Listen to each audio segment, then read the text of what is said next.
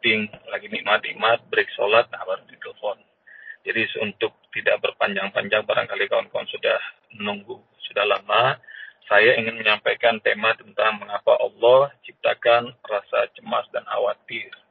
Karena zaman sekarang mungkin juga sebagian kita merasakan khawatir pandemi berkepanjangan. Nggak tahu keluarga besar Unilever. Kayaknya kayak Unilever kayaknya cuan terus nih mudah-mudahan rezekinya lancar, berkah uh, dunia dan akhirat insyaallah. Mas Wahyu dan kawan-kawan yang hadir di dalam Kabatsu hari ini, uh, pandemi itu dulu awalnya diperhitungkan paling lama dua tahun dan pada studi terakhir bahkan ini mungkin bisa sampai tujuh tahun nah jadi anak-anak juga lapangkan pola kemudian mungkin ada adik kita yang kuliah kuliah mungkin kita yang biasa bekerja juga WFH terus berkepanjangan. Dan ini sebentar lagi kita akan melalui Ramadan yang kedua. Jadi Ramadan tahun lalu kita merasa agak susah karena melewati pandemi karena belum pernah. Dan mudah-mudahan tahun ini semua kebiasaan kita sudah bisa mulai lagi. Jadi mudah-mudahan kita bisa sholat di masjid dengan jaga prokes, juga kemudian uh, melakukan mudik misalnya, karena banyak juga tuh. Orang tua, mak, mak uh, datu, andung, dan banyak lagi para orang tua yang merindukan merindukan anak-anaknya pulang mudik nggak bisa tahun lalu tahun ini mudah-mudahan bisa Nggak tahu apakah pemerintah masih melarang atau tidak. Kita berdoa mudah-mudahan selesai. Dan kecemasan itu makin banyak. Jadi dalam sulit-sulitnya ekonomi, banyak orang hilang pekerjaan, banyak orang sudah juga terpapar COVID-19, dan banyak lagi. Di dunia ini masalah nggak bisa habis. Cuma pertanyaannya adalah, kenapa sih Allah Subhanahu wa Ta'ala ciptakan ciptakan rasa cemas dan khawatir? Karena tubuhnya selalu ada dua uh, sisi mata uang yang sama. Kalau ada kekhawatiran pasti ada optimisme. Jadi kalau dalam bahasa agamanya adalah khauf roja. Jadi khauf itu khawatir, takut. Roja ini adalah senantiasa minta. Jadi berharap pada Allah Subhanahu wa taala. Ini ada dalam surat 32 ayat 16. Allah Subhanahu wa taala berfirman, "A'udzu billahi minasyaitonir rajim." Tatajafa 'anil madaji yad'una rabbahum khaufan wa tama'an wa mimma razaqnahum yunfikun. Ciri-ciri hamba Allah yang senantiasa mendapatkan pertolongan Allah menyelesaikan masalah dengan tiga hal. Satu, tata jafa junubum anil mabaji, mereka lambungnya senantiasa jauh dari pembaringan. Maknanya tidurnya nggak bablas. Ya, di kalau bisa sholat subuh berjamaah itu, masya Allah, alhamdulillah. Kalau ditambah qiyamul lail itu lebih dahsyat lagi. Allah makin sayang. Jadi menyelesaikannya yang pertama semua masalah kita bangun ya mulai sebisa mungkin. Yang kedua, yad'una rabbahum khaufan wa. Dan mereka senantiasa berdoa kepada Allah khauf. Jadi dengan rasa khawatir, wa dan berharap pada Allah Subhanahu wa taala. Nah, ini tekanan kita. Jadi ada rasa khawatir biasanya kita ini ibadah itu akan lebih khusyuk sholat kita, doa kita dalam kondisi banyak duit, apa dalam kondisi bokeh kawan-kawan. Jauh-jauh. Demikian juga dalam kondisi rumah tangga tentram-tentram aja atau sudah mulai tercabik-cabik ibadah kita beda. Jadi masalah itu Allah hadirkan supaya apa? Supaya kita dekat sama Allah. Yang tadi ya, menyelesaikan masalah satu, dia mulai. Yang kedua, ya dauna rabbahum khaufan wa Mereka senantiasa doa. Minta kepada Allah dengan sungguh-sungguh, khaufan dengan penuh harap. Enggak, Aman nih? Halo? Nggak, nggak ke mute? Enggak, Ustaz. Lanjut, Ustaz. Lanjut ya. Yang pertama, Qiyamul Lail. Yang kedua, doa sungguh-sungguh dengan penuh harap dan cemas. Minta kepada Allah Subhanahu wa taala. Ini tekanan kita ini. Jadi kenapa harapan dan optimisme sama sama kekhawatiran itu selalu berdampingan. Dan yang ketiga, menyelesaikan masalah kita. Dan dengan apa yang kami rezekikan pada mereka, mereka menginfakkan harta. Jadi dari apa yang Allah kasih 100% minimal 2,5% kita salurkan. Lebih banyak dari itu lebih baik lagi.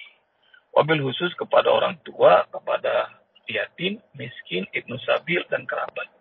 Itu ada dalam surat 2 ayat 19. Jadi sahabat sekalian rahmati Allah Subhanahu wa taala, kenapa sih Allah ciptakan rasa cemas sama kita buat kita ini? Cemas dalam urusan apa? Dalam semua hal.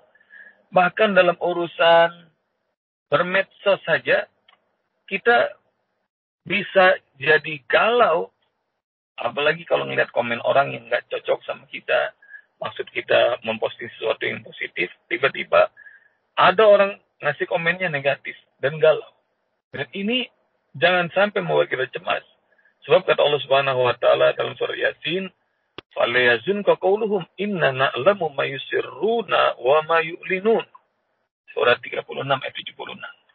Falayazun ka qauluhum. Janganlah komen-komen mereka akan membuatmu cemas Muhammad.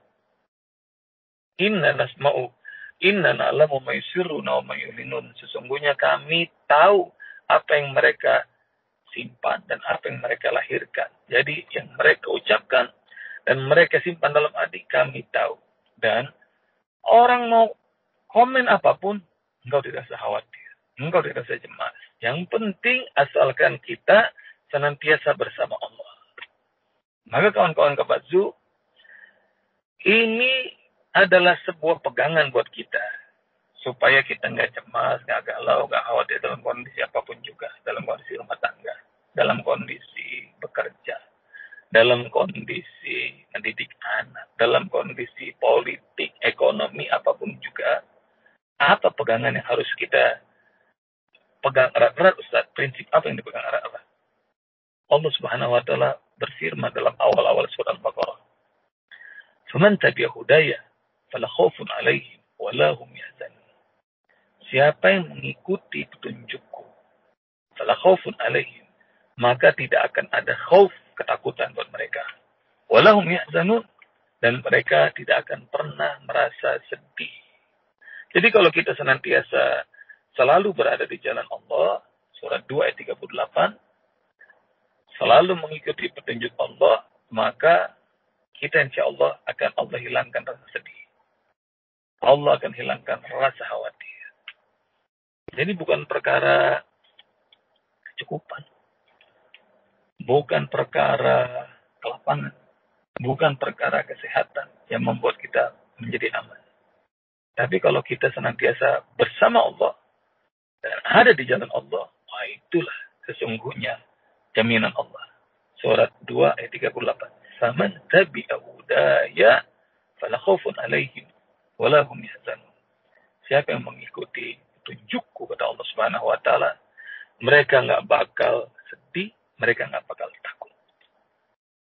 Jadi kawan-kawan, ini ada solusi dari Allah untuk menghilangkan rasa takut dalam kondisi apa pun juga.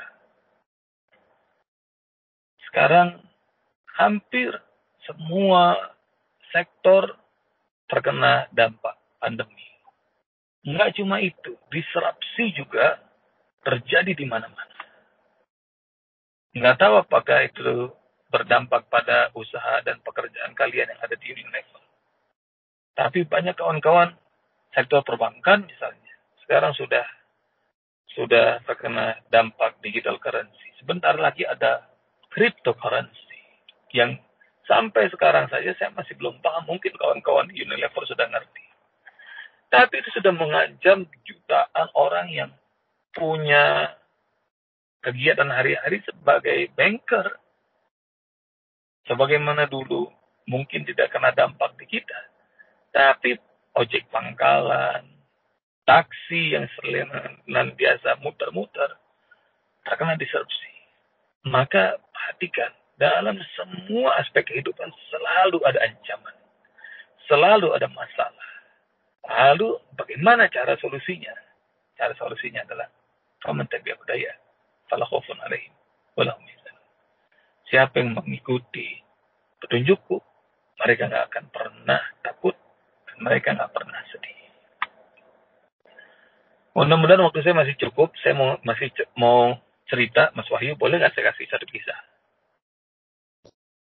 Siap, Ustaz. Nah, masih ada waktu ya? Masih, Ustaz, masih.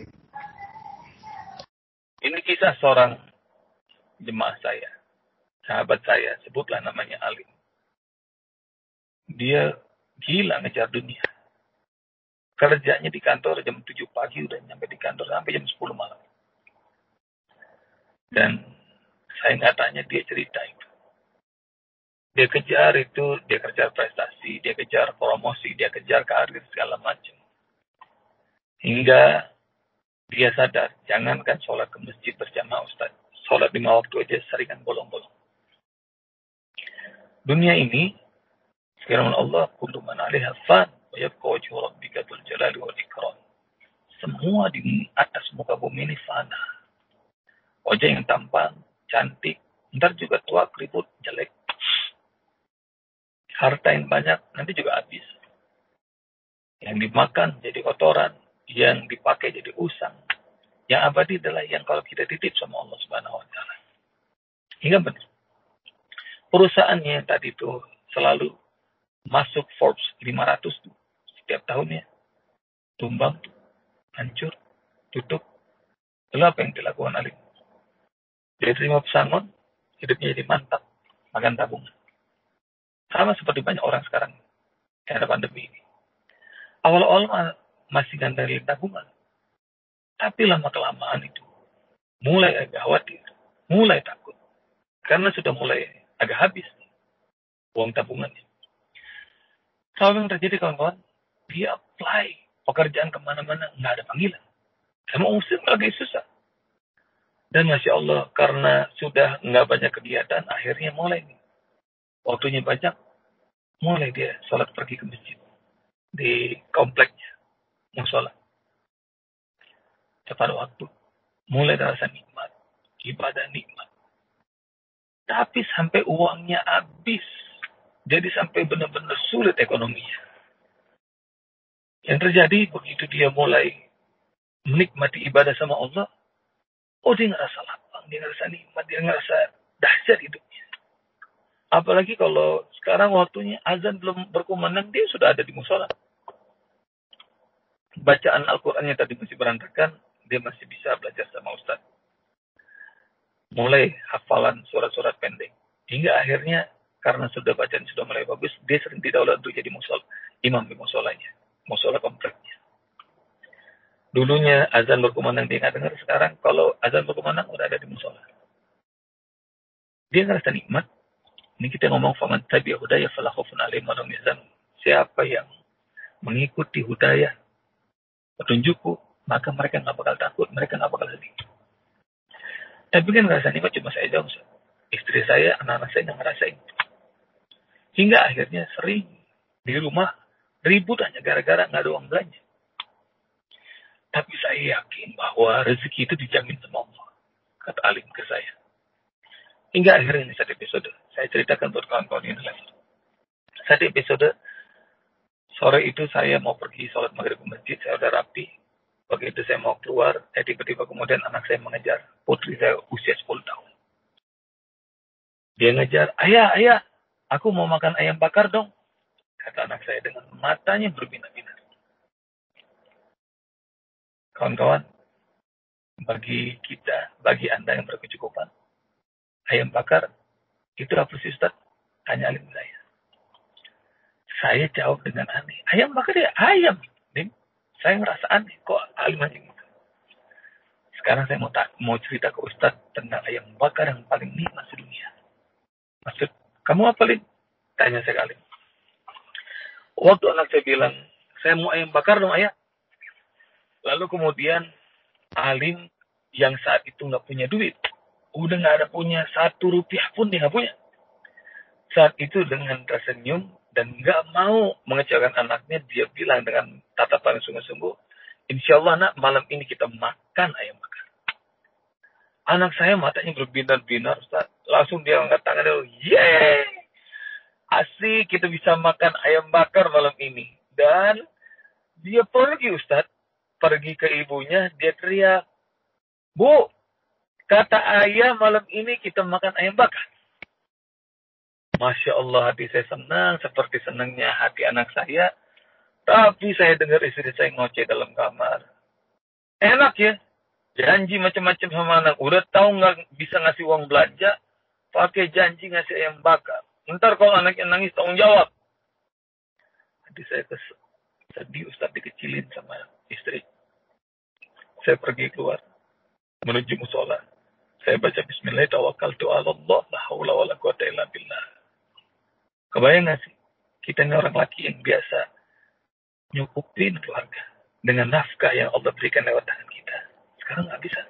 Kebayang gak sih martabat dan harga diri kita nih laki-laki? Dikecilin istri kayak begitu. Dengan hatinya hancur, dan Allah bilang dalam diskusi, Anda indamun kasratil kulub. Aku akan senantiasa bersama orang-orang yang hatinya pecah. Lalu saya bilang, kata Alim, Ya Allah, aku adalah hamba yang miskin. Engkau adalah hamba. Engkau adalah Tuhanku yang maha kaya raya. Tolong tunjukkan kuasamu ya Allah. Hadirkan untukku dan keluargaku ayam bakar malam ini. Jadi dia minta pertolongan Allah. Ayam bakar. Sama seperti para penghuni surga, apa pun yang mereka inginkan, tinggal nyebut Allah hadirkan. Malam itu saya jadi imam sholat maghrib Ustaz. Selesai kami zikir doa. Lalu kemudian seorang jemaah mengumumkan bahwa dia syukuran dan mengundang semua jemaah di musola untuk datang ke rumahnya. Lalu kemudian saya berpikir, Masya Allah bakal dapat nasi berkat kata Alim sambil tersenyum ke saya. Lalu kemudian Alim nanya ke saya, Ustaz, Ustaz, Ustaz tahu nggak nasi berkat tuh kalau misalnya ikut syukuran, kira-kira isinya apa? Ya nasi berkat, nasi berkat, nasi uduk, pakai bawang, pakai telur suwir, pakai emping lah kira-kira begitu. Ya begitu, Ustaz. Di kompleks saya tempat tinggal saya juga begitu. Kalau ada syukuran, tahlilan, begitu. Ngasih berkat. Saya bilang dalam hati, waktu ngedengerin dia ngasih pengumuman, saya ngomong begini bersyukur nih. Belum terima nikmat dari Allah aja dia ngomong, ya Allah terima kasih. Nggak apa-apa ya Allah. Nggak ayam bakar nggak apa-apa. Ngasih berkat pun aku bersyukur. Lihat, dia bersyukur sebelum Allah kasih. Hingga akhirnya syukuran, zikiran udah kelar. Alim pulang setelah usai sholat isya di musola. Dia tenteng tuh, kresek di dalamnya styrofoam dan Alim tahu bahwa itu di dalamnya adalah nasi berkat. Karena dia sudah terlalu biasa menerima nasi berkat. Kalau ada acara syukuran. Pulang ke rumah, Alim dia ketok pintu, tok, tok, tok, tok. Assalamualaikum, Assalamualaikum. Dengan senyum, dengan bahagia. Dan terdengar suara putri saya, Ustaz keluar. Dia ngedeketin pintu, Waalaikumsalam. Dia bahagia. Begitu dia buka pintu saat saya rendahkan diri saya, saya angkat kreseknya, lihat ayah bawa apa. Putri saya tahu itu nasi berkat. Dia langsung goncang-goncang kaki, dia banting pintu. Dia teriak, aku maunya yang bukannya nasi berkat. Ayah jahat, ayah jahat, ayah jahat. Dan akhir, anak saya nangis. Waktu anak saya nangis, dia masuk ke kamar, dia ngadu ke ibunya. Saya dengar lagi, istri saya ngoceh. Kan Gue bilang juga apa? Udah dibilang jangan janji macem-macem sama anak, nggak punya duit janjiin ayam bakar. Masya Allah, keluar rumah saya dikecilin sama istri saya. Sekarang saya masuk rumah dikecilin lagi, hancur. Saya panggil-panggil anak istri saya, Bu, nak, ayo, ini rezeki yang Allah anterin buat kita. Nggak boleh kita nggak bersyukur, nanti Allah marah, ayo kita makan. Saya dengar, masih dengar lagi anak saya ngomong, aku maunya yang bakar, bukan nasi berkat. Lalu kemudian Rasul ini rahmati Allah Subhanahu wa taala. Suara saya masih terdengar jelas ini, Kang Gawa? Masih, Ustaz, masih. Dengar. Saya akhirnya tenteng itu kresek yang berisi styrofoam yang saya yakin masih berkah. Saya duduk di kursi, saya taruh di atas meja. Saya panggil-panggil lagi istri dan anak saya, tetap aja mereka nggak mau makan. Lalu kemudian saya menengada, saya bilang begini sama Allah, Ya Allah, kalau istri saya, anak saya nggak mau, Ya Allah. Jangan kau murkai keluarga ini. Aku masih bersyukur, Ya Allah, aku yang makan. Saya keluarin satu styrofoam dari kresek. Begitu saya keluarin, Masya Allah. Saya taruh styrofoam. Begitu saya mau buka ini, saya baca basmalah. Dan tatkala saya buka, saya takbir. Allah Akbar. Terlali. Saya tanya, kenapa? Saya gemeter, Ustaz. Itu di dalam styrofoam, nggak ada nasi barang sebulir pun. Terus isinya apa? Lalu kemudian netes air matanya Alim bercerita di hadapan saya. Dia bilang, ayam bakar Ustaz. Satu ayam penuh, full. Maka saya bertakbir. Langsung saya bilang kepada istri saya, mana saya. Bu, nah, ayo sini. Allah kirimin apa yang kita minta. Ini bukan nasi berkat, ini ayam bakar, saya ayam bakar.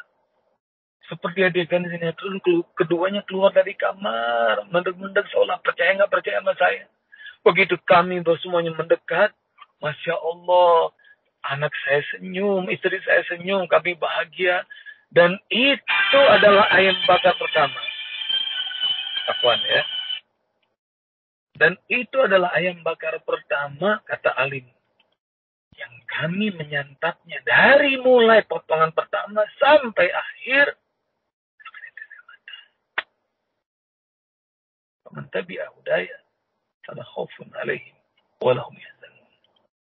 Siapa yang mengikuti petunjuk perintah Allah kita taati, larangan Allah kita jauhi. Fala khaufun alaihim maka nggak mungkin mereka takut. Walahum yahzanun dan nggak mungkin mereka sedih. Maka jangan cari jalan sendiri. Cari jalan Allah taat sama Allah, taat sama Rasul, maka kita akan menjadi orang yang menang. Surah 73 ayat 71. Waman yuti'illah wa rasulahu faqad faza fawzan azim. Demikian Mas Wahyu. Kalau mau tanya jawab, dialog, saya tunggu. Dipersilakan. Alhamdulillah. Makasih Ustaz. Uh, Bapak Ibu jamaah jika ada pertanyaan bisa langsung uh, ketik di chatbox atau bisa open mic. Saya izin mengutip sedikit Masya Allah saat tadi cerita saat tadi bahwa kekhawatiran dan kecemasan itu kuncinya prinsipnya tidak perlu cemas gitu ya saat ya. Untuk ya. menghilangkannya ada solusinya bahwa siapa pun yang mengikuti petunjuk Allah insya Allah akan terhindar dari saat cemas dan sedih. Uh, Bapak Ibu jamaah uh, silahkan dipersilakan waktunya untuk sesi tanya jawab. Insya kita masih ada waktu sekitar 15 menit lagi. Sementara... Saya mohon maaf tadi lambat ya. Mohon maaf. Baik Ustaz. Silakan, silakan. Saya cek dulu sebentar. Sepertinya belum ada ini.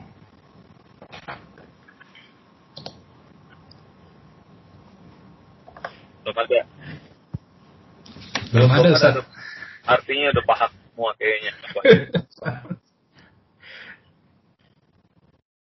Nggak tahu nih suaranya kurang terdengar atau memang terkesima. Jangan-jangan langsung nyari ayam bakar semua ini. Jam makan siang. Suaranya alhamdulillah jelas sekali Ustaz. Jelas ya. Jelas, jelas. Alhamdulillah. Saya cek sekali lagi takutnya memang chatbooknya ada masalah nih.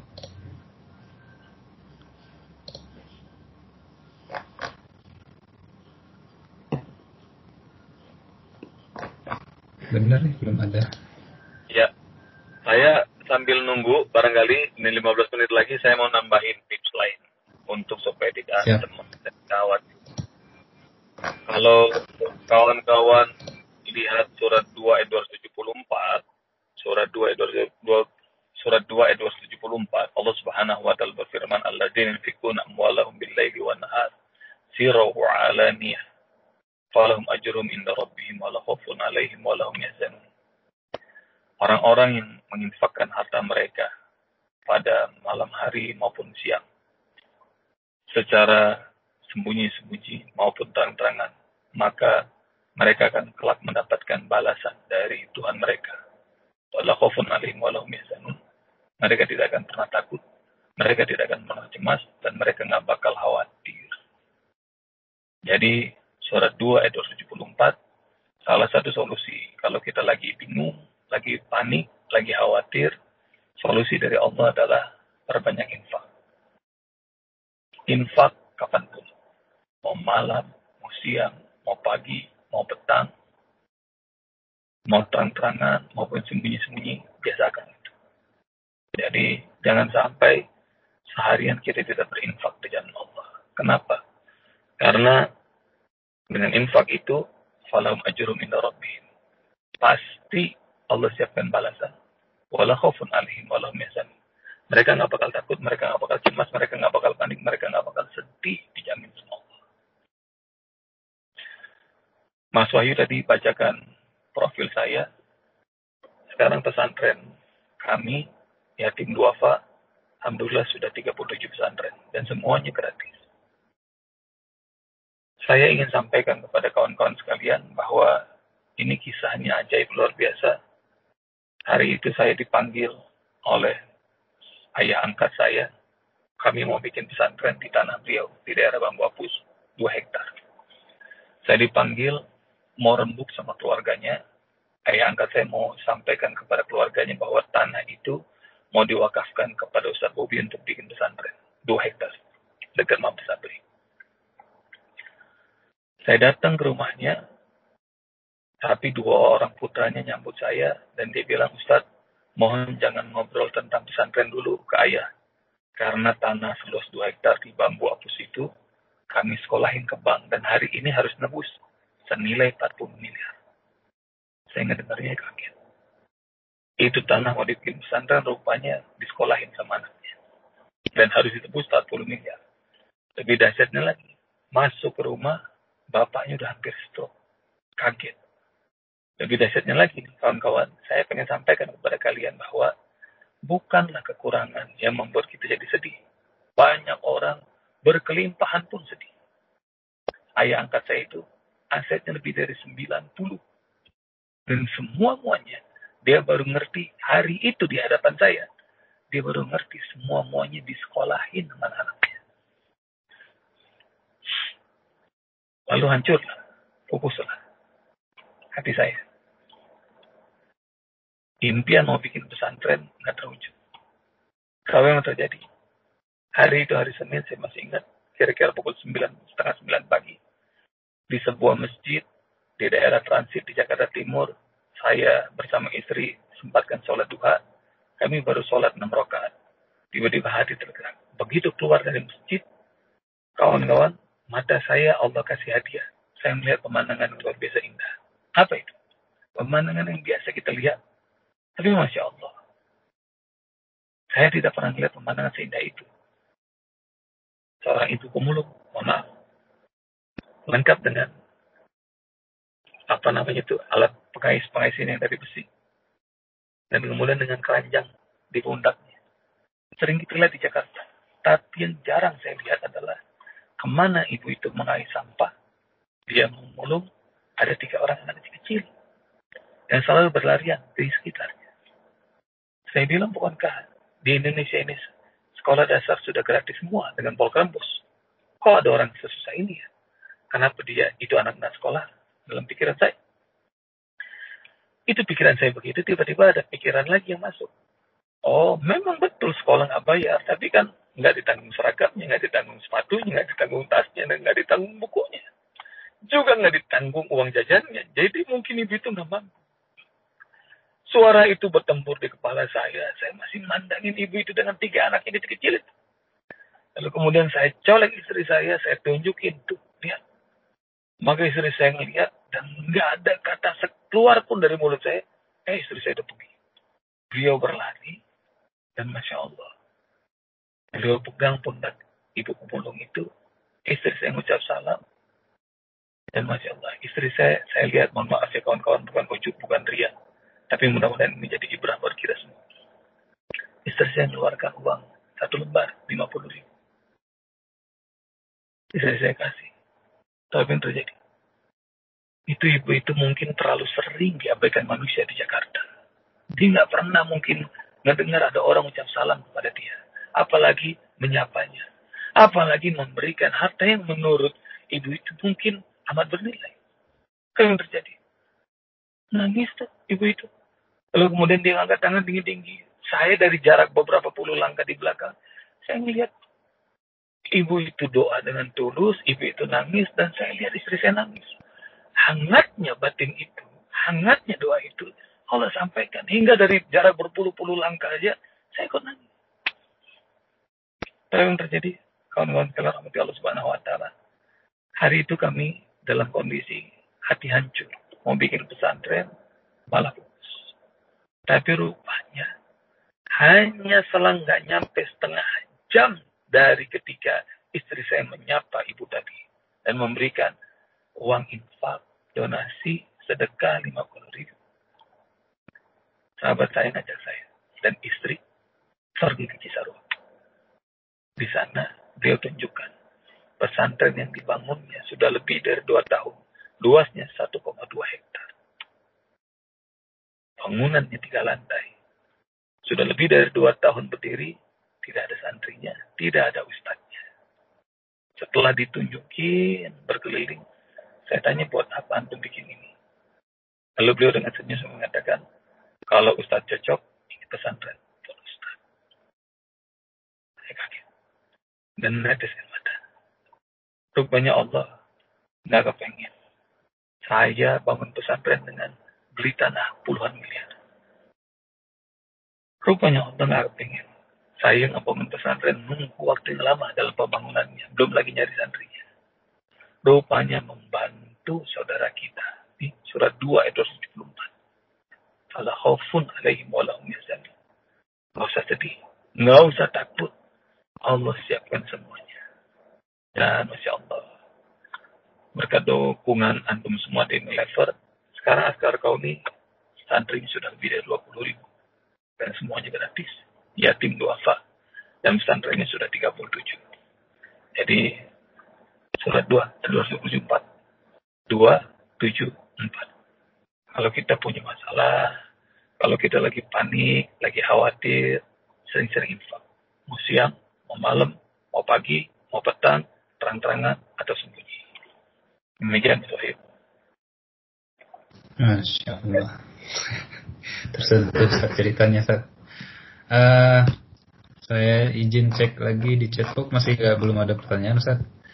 Uh, karena waktu juga Sat, kita ya. kita izin tutup uh, Uh, jadi ini uh, semoga kajian hari ini insya Allah uh, mempertebal keimanan dan bisa tentunya bisa kita aplikasikan dan kita terapkan uh, dan menambah kecintaan kita kepada uh, Rasulullah SAW. Sebelum tutup kajian, uh, kami minta kesediaan Ustaz untuk uh, pimpin doa Ustaz. Uh, sebelum ya, silakan Ustaz. Bismillahirrahmanirrahim. Alhamdulillahirabbil Allahumma salli wa sallim wa barik ala Muhammad wa ala ali Muhammad.